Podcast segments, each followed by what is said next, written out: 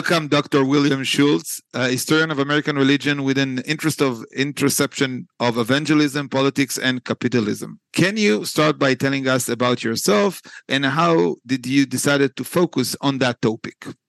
Well, absolutely. Uh, first, thank you so much for having me here. It's a pleasure to talk to you about this, to talk on this subject. So, my name's uh, William Schultz. I'm an assistant professor of American religions at the University of Chicago Divinity School, where I'm currently writing a book called uh, Evangelical Capital The Spiritual Economy of Colorado Springs, which uses the case of an American city, Colorado Springs, to explore, as you said, the relationship between evangelicalism, capitalism in recent American history. And as to how I came to this topic, uh, it was a winding process.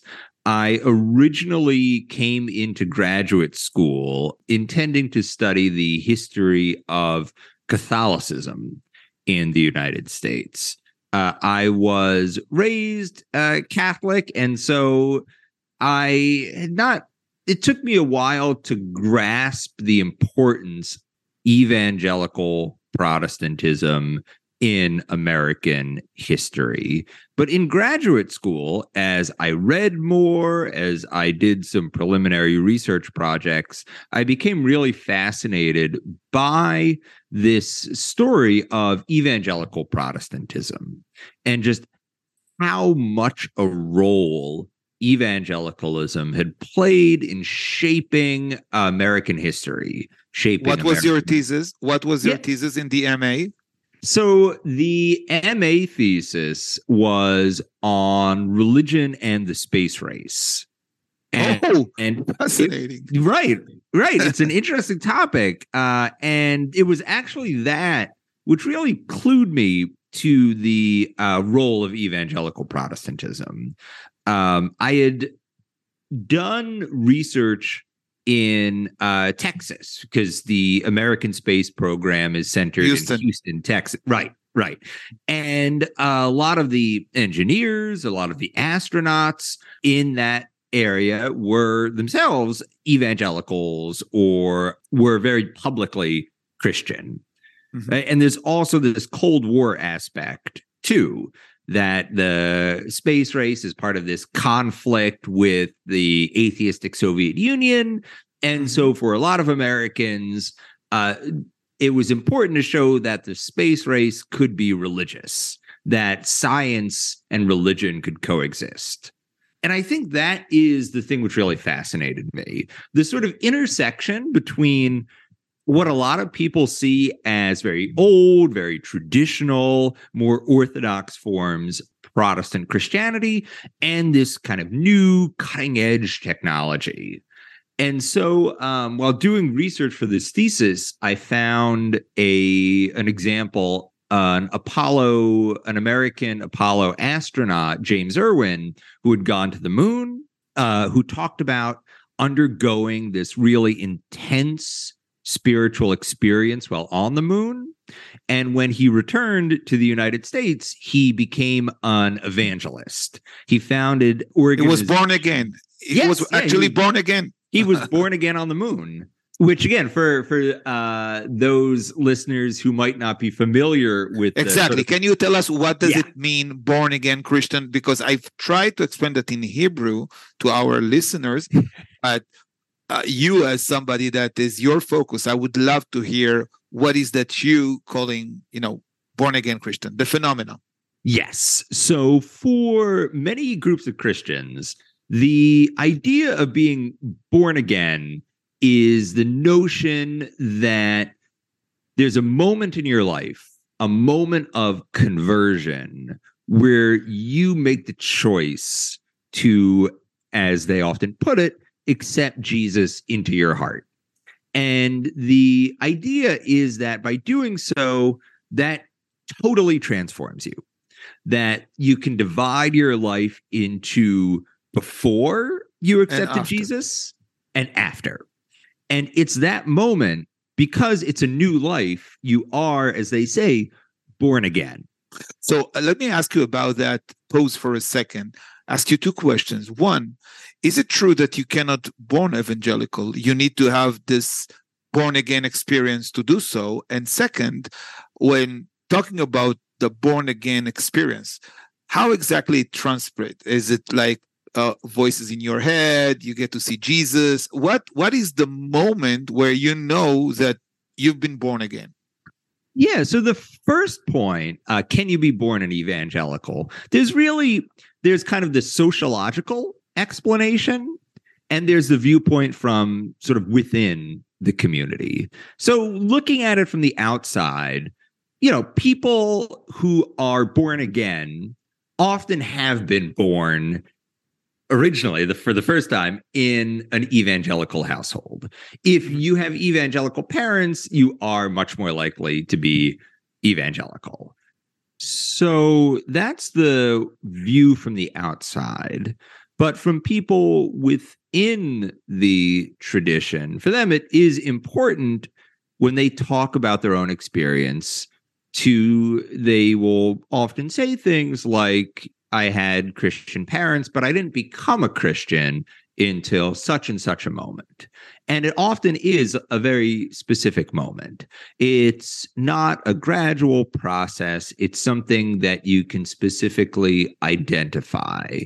And in terms of, to go to your second question, what that looks like, it is in some cases, it may involve, say, visions or hearing the voice of God. It's rarely quite so dramatic. It's usually talked about in terms of emotion. There was a moment people will say when they they felt usually a sense of joy or certainty, a moment when they just felt things change. And that has been a consistent idea in American evangelicalism for over a century. The history goes back to the 19th century to these revival meetings where you would have enormous gatherings of people who would hear a preacher speak to them about the need for conversion. And at these revival meetings, people would have these moments of conviction, this sense that they were transformed. And that has become the standard way of talking about it. You feel yourself change. So, emotion, feeling, those are the key words of being born again. Right. So let me try to connect the dots uh, mm-hmm. between mm-hmm. what you were talking, what is your research, and uh, the starting point of, of our conversation. We're looking at the 70s. The mass media is just booming, right? On one hand, there is a um, kind of lash on the feminism, free sex, hippies, whatever people are looking to back uh, to family values on one hand and on the other hand and that is the what we were talking about the capitalism and etc uh, is the mass media opportunities to deliver that message via television. And there you go that term which we will talk later how it become political term televangelist is popping up at the 70s so if you can do in your expertise right how can one recruit the uh, mass media into donation, into uh, spreading the gospel, and how do you do that? All in all, in the time frame of the 70s, as 1976 was defined by Time and Newsweek magazine as the year of the evangelicals. Right, right. Newsweek puts the year of evangelical yeah. uh, on their their cover, and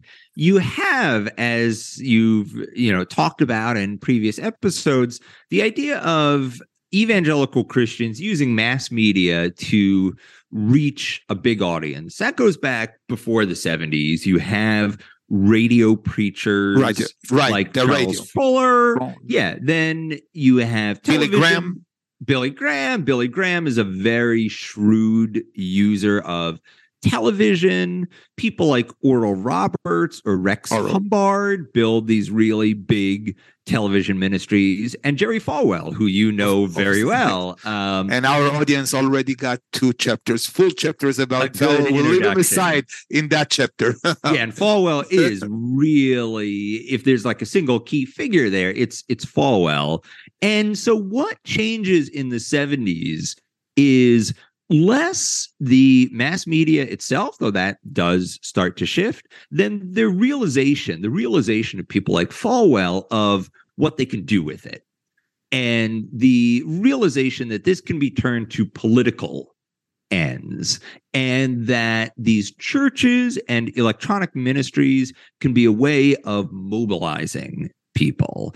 And or a so grassroots movement. for a grassroots movement. And at the same time there are a number of politicians many of whom are themselves born again evangelical christians who realize that this is a powerful constituency in the waiting. So it's ironic, as you might have talked about before, that the most prominent born again politician of the 70s is a Democrat on the left side of the political course. spectrum. The first Jimmy president. Carter. Yes. First Yeah, uh, evangelical president. in 19 in the 1976 presidential election it's very interesting that both candidates the democrat on the left jimmy carter the republican on the right gerald ford both of them describe themselves as being born again and that goes to show how this term is no longer part of just the evangelical subculture that it is now in public it's in Time Magazine, Newsweek Magazine. And the irony is that Jimmy Carter motivates a lot of evangelicals. He shows them you can be born again and be successful in politics. And but- then he being kicked out of Yeah. office by the same That's evangelicals. it. That's it. They they are mobilized into action, but then they say, "Hey, this guy isn't delivering on what we hoped for." There are these issues like uh, abortion, prayer in school, um, the emergence of a gay rights movement. Many evangelicals are not happy with Carter's stance, so And they maybe the mobilize most- against him. Right. Mhm. And maybe one of the most important things that's part of my PhD thesis, uh, it goes way back uh, to the time when he said at Notre Dame that the Palestinians have entitled to their homeland.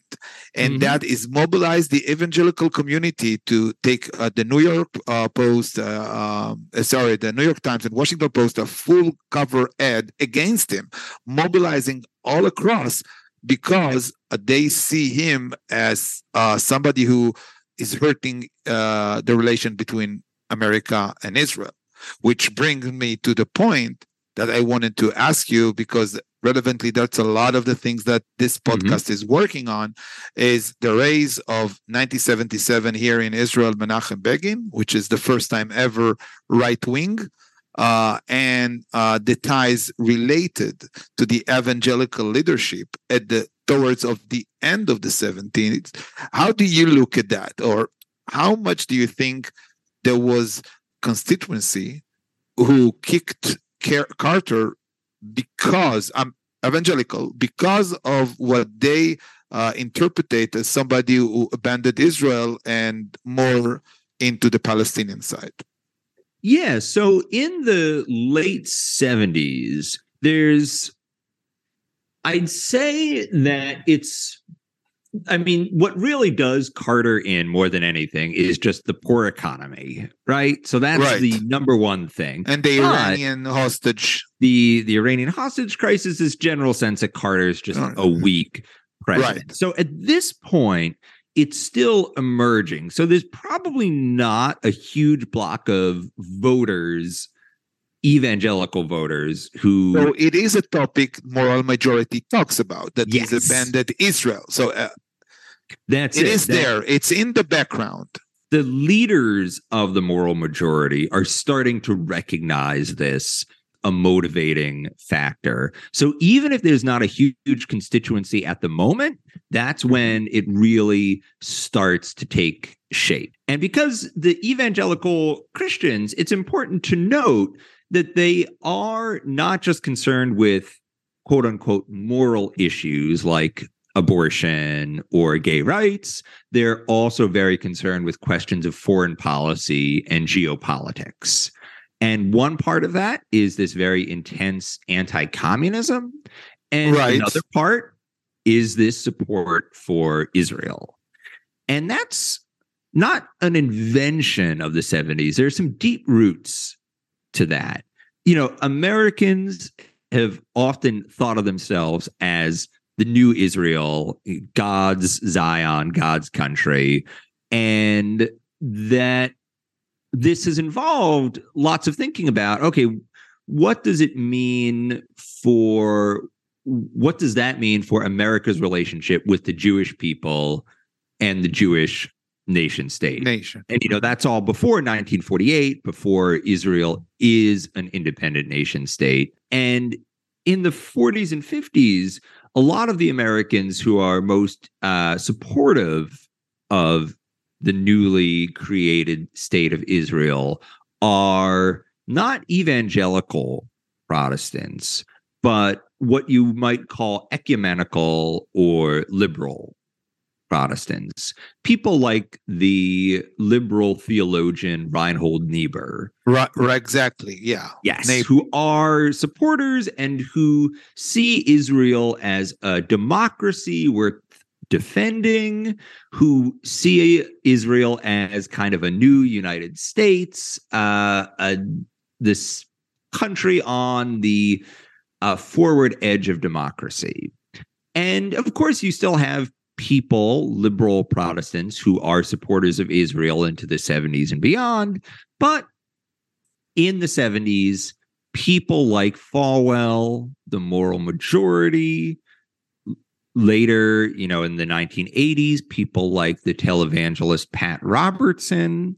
Right, and Club 700. Yes, and John Hagee, who is a very important figure in right, this movement. Right. But CUFI only established in 2004, though at 1981 he starts evening honoring Israel. Yes. So is is is blooming also at the 80s. But as you said, there's always somebody who carried the stick. Um, yes. Um, okay, so let me now try to use your uh, expertise and your background and ask you a little bit about explaining us what is the term gospel prosperity and how it is reflected or linked to Israel in Rally App, the congregations.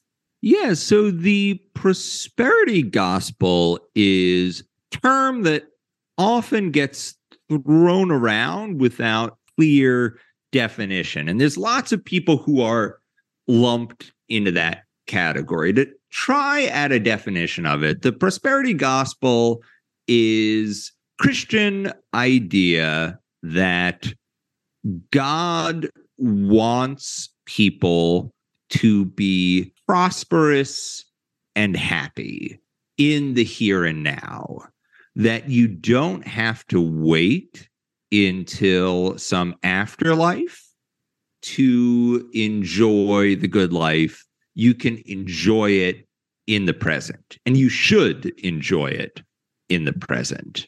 And the prosperity gospel in the United States and throughout the world, for many people, it involves the sense that you can call upon God to give you good things, that you can and should request that God give you wealth, that God should give you success in your job, that God should give you unexpected windfalls of money, that you should pray to God for good health.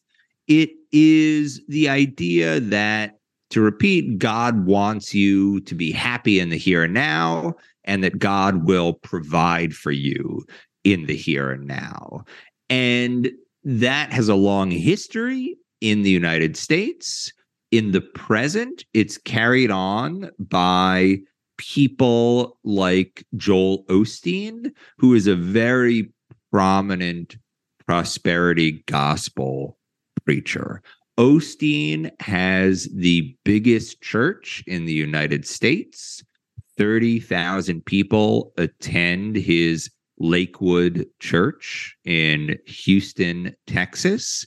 And Osteen's message, which he delivers over and over again in sermons, in YouTube videos, in books, it's all about thinking positive. That if you think good things and if you say good things, God will give those good things to you. If you think about getting a new job, if you think about being happy, God will give those things to you. So the prosperity gospel is an increasingly important part of the American evangelical landscape. And that is tied to the growth Pentecostalism in American religion, which is variety of Christianity that emphasizes the idea that the Holy Spirit, that this element of the divine, can give humans special gifts, speaking in tongues, uh, miraculous healings. It's very much a theology of individual power that the God that working through the Holy Spirit gives individuals the power to heal, to triumph. And that has become a really core part of evangelical Christianity in the United States and around the world over the past couple decades. It's one of the fastest growing religious movements out there. And in terms of its relationship to Israel, there's not a one to one connection between the prosperity gospel and support for Israel, but a lot of the Pentecostal preachers in the United States who emphasize this prosperity gospel are also very enthusiastic about their support for the state of Israel. They But see, let- is- yeah, go ahead. Let, let me ask you about that. Um, I was under the impression that if, uh, as as it says uh, in Genesis, if you bless Israel, you'll be blessed, and by blessing Israel, meaning you know, if you want your corn to, to you know to grow more corn this year, if you'll bless Israel by meaning of donation, for instance, then God will graciously enough uh, upon, will re- return back to you that that notion. So and and this is something that I wanted to ask you about how that is being translated to donation. Uh, how Israel becoming a very important pivot, starting from the 70s, to raise money, to be as um as a, as a point where money is being uh, contributed to the church, and they decide where to deliver to what kind of organization, whatever terms that it is, because there's so much money coming from evangelical Christians to Israel to a variety of things, mainly uh, observing for the diaspora. Open brackets, maybe that will help, you know, for the second coming of Christ, because all the Jews will come to Israel. So that that that is, you know, criticism of that point of view. But on the other there, there are people who say, no, excuse me, I get to do that because I know that if I will donate $25, I'll probably get $2,000 back because God, with his great grace, because I took care of Israel, he will take care of me. Yeah, and a very that's absolutely right. A really important part of the prosperity gospel is this notion that what you give out, you get in return. And that has a lot of applications. Uh, some churches will say, if you give to the church, if you give to my church, you will get back tenfold, a hundredfold, a thousandfold what you give out. So the prosperity gospel, one of the foundational ideas is this sort of transactional, this sort of investment idea. You give something out and you get something even greater in return. And as you said, that passage from Genesis suggests that one of the best ways, one of, if you will forgive me for being a little economistic about it, one of the safest investments is blessing Israel, blessing Israel through donations. And that this legitimates an evangelical approach to raising money for Israel. As you said, John Hagee, for instance, uh, his church, his Nights to Honor Israel, has been one of the key ways of funneling those donations. So there has, over the past few decades, been this infrastructure built up within evangelical Christianity in the United States to turn this general idea of blessing to make that a reality and to make it very efficient to provide the mechanism for delivering that money. And people like Hagee are really key figures there. So you have the transformation of this Bible verse into this very sophisticated infrastructure for funneling donations to Israel. That's yeah, that's a really important part of the story. So, so would you say that that is a way to make capital through Israel? Is Israel is a vehicle for capitalism? Speaking of your expertise, uh, somebody who's trying to link between politics, capitalism, and evangelicals. It's not just a vehicle for capital, but that's uh, an important part of it. And for a lot of these preachers, people like Falwell, people like Pat Robertson, uh, and new generations of conservative evangelicals. Their power is based on their relationship with their audience. It's based on the connection that they make with the audience. And the way that they cement that is donations from their audience. And there is this constant need because they're often speaking to the same audience you know there's only a limited pool of people uh there is this ever more intense drive to get the money that you can out of this audience to cement their support by getting them to give you donations. And so the ties between televangelists and their audience and their supporters are often financial ties. They're not just financial ties.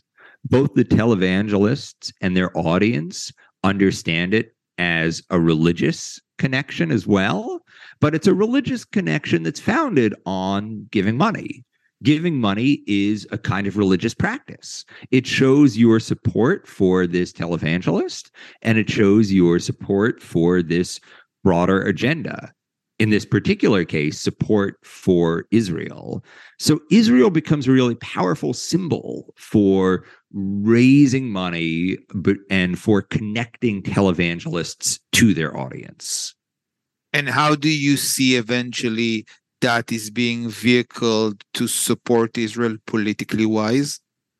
Well, because you, if you are a preacher, if you are a televangelist, you want to be able to you want to keep your audience in kind of a constant state of excitement and energy you want to motivate them and Israel um, can be a way of doing so. Uh, can be a way of it's given the nation of Israel's long history of kind of conflict, uh, that there are these history of wars, of conflicts with its neighbors around it, with the Palestinian population, um, that you can create this narrative of Israel under siege and motivate people to say, you know, Israel is uh, in great danger. They need your support right now. It's a sense of you want to create a sense of urgency. You want to create this sense that donations are necessary now, that you need right. to provide your support now. And that has been uh, as I understand it, I'm not an expert uh, in the history of Israel, but that has been an important part of Israel's history. Of course. And yeah, and televangelists know how to harness that, how to harness that sense of urgency. Right. So, as a historian, most of our podcast, we talked about history. Uh, and the last question that I want is actually related to the future. And uh, I would always argue that the best people to talk about future are historians because uh, we know history and we can look into the future and try to understand, implicate from the past, yeah. try to uh, implement it into the future. Uh, so there is um, a survey just recently held uh, that indicate that both the Christian evangelical or people identify themselves as Christian evangelical uh, slashed. There's no other way to say it from 23 or 24 percent to around 13 percent in one hand, and in the second hand, we got a serious problem with uh, Professor Moti Inbari, in which we will host for two uh, episodes right after that episode, and we'll talk more into that, more into his research that he did, that find out that in the campuses, the Z generation really losing any whatever grip that used to be from his parents to Israel. And as being professor in university, seeing those students coming to the university from Chicago, from Indiana, Iowa, Idaho, whatever, uh, melting into the campuses in America, uh, I, I would really love to hear your point of view.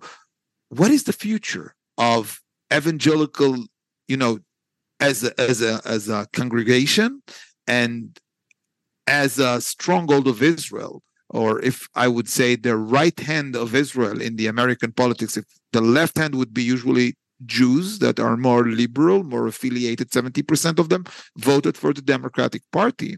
Uh, the right hand of Israel, in meaning of, of terms of supporting, is obviously the uh, Republican Party, which most of it is evangelical Christians, people who uh, support Israel from whatever numerous uh, reasons that they had, but they support Israel. What is the future looking for Israel America relationship given those two surveys, which was just recently uh, uh, delivered? Yeah, and that is a really good question. And it's part of a broader general decline in American religiosity. The number of Americans, and the United States is still, compared to most other large industrialized nations, is still a good deal more religious, but is less distinct than it once was. It's becoming more in line with nations like France or Great Britain, where religion is still a force, but it's not this really dominant force. And over the past two decades in particular, you have an increasing number of Americans who say that they have no religious affiliation.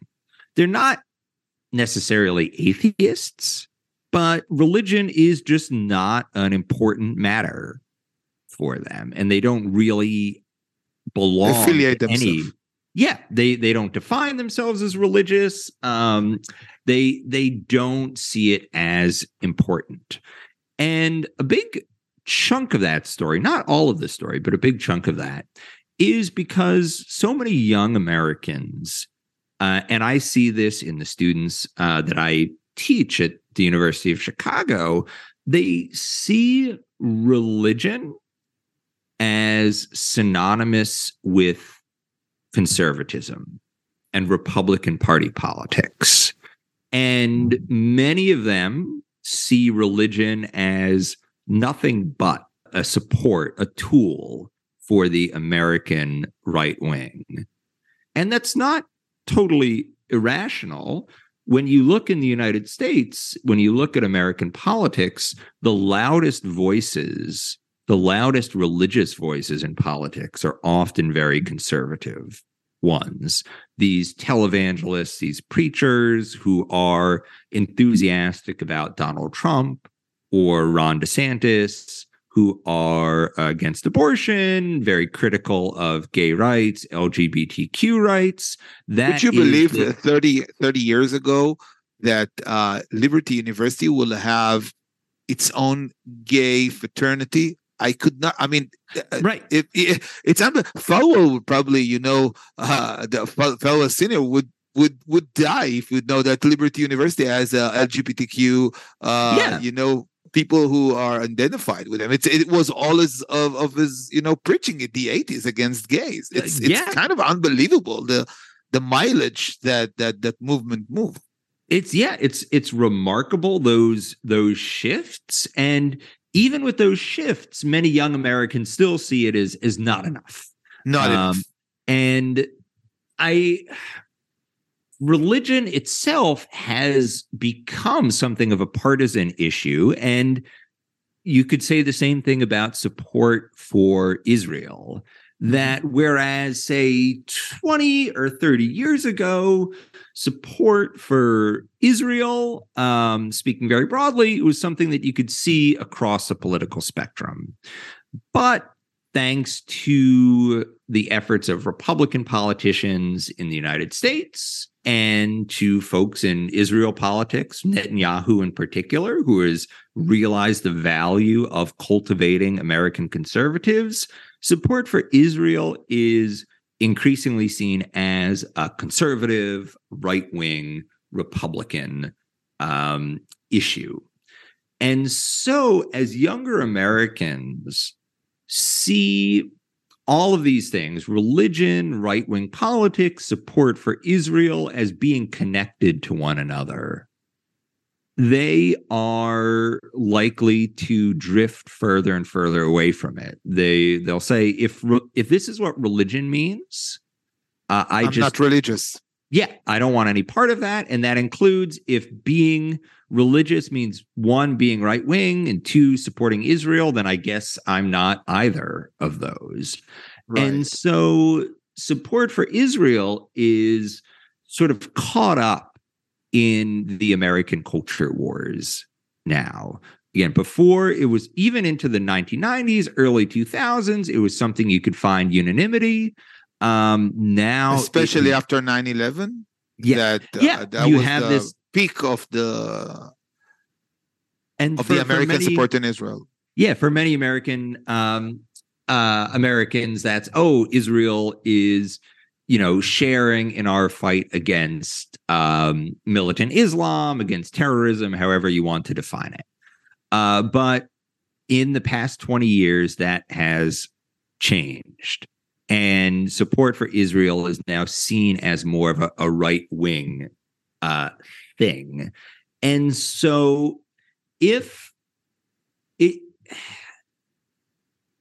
Gen Z, the, the Z generation, um, it, I don't see an easy way to reconnect them to institutional religion. This is a process that's been building for quite a while.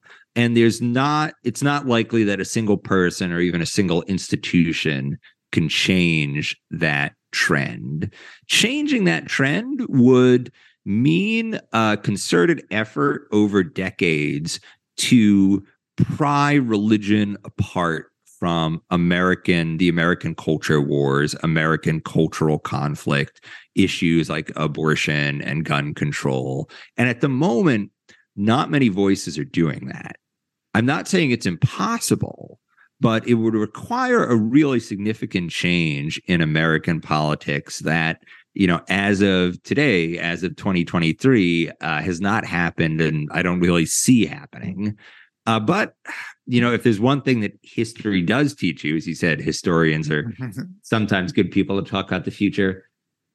Things can change unexpectedly. So you never want to say, oh, such and such will never happen because you know thing events make fools of us all no matter what yeah, degrees we have you're right So, William, thank you so much for the precious time that you gave us, uh, the very unique insight into, uh, you know, American politics, uh, meeting religious, meeting capitalism. I really hope that we covered it all in our podcast.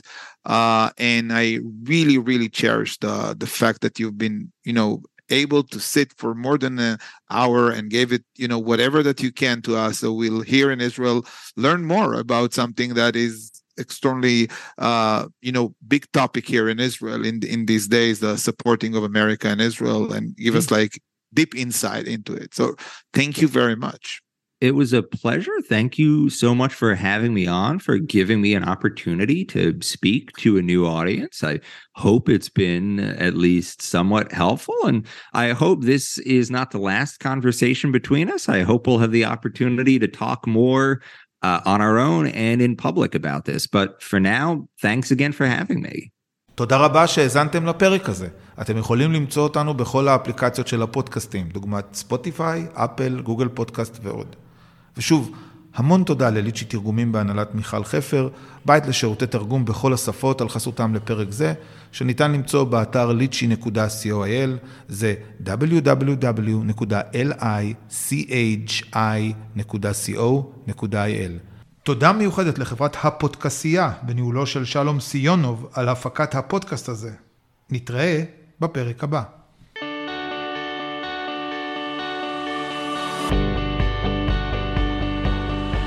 קובי ברדה הוא דוקטורנט להיסטוריה פוליטית אמריקאית באוניברסיטת חיפה. מלגאי בקתדרת חייקין לגאו-אסטרטגיה והחממה הדתית באוניברסיטת חיפה. ומחבר הספרים המפתח להבנת טראמפ ו-Grassroots Path to Congress. מחקריו מתמקדים בשדולות למען יחסי ישראל-ארצות הברית ובפוליטיקה אמריקאית.